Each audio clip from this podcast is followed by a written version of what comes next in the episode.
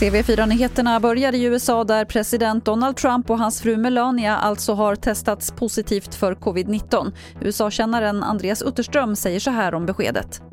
Det här var ju det sämsta som kunde hända Donald Trump av, av, tre skäl skulle jag säga. För det första, det här visar ju att det här viruset är på allvar trots att Donald Trump har, hela tiden har spelat ner det.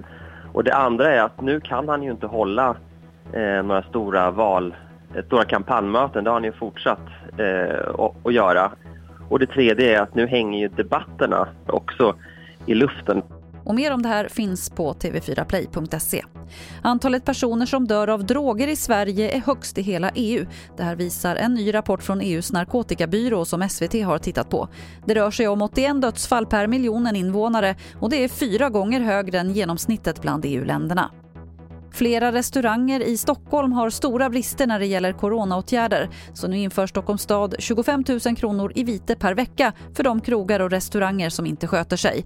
En tredjedel av de krogar som inspekterats håller inte coronareglerna. Bland annat har det varit för trångt bland gästerna. Det var det senaste från TV4 Nyheterna. Jag heter Lotta Wall.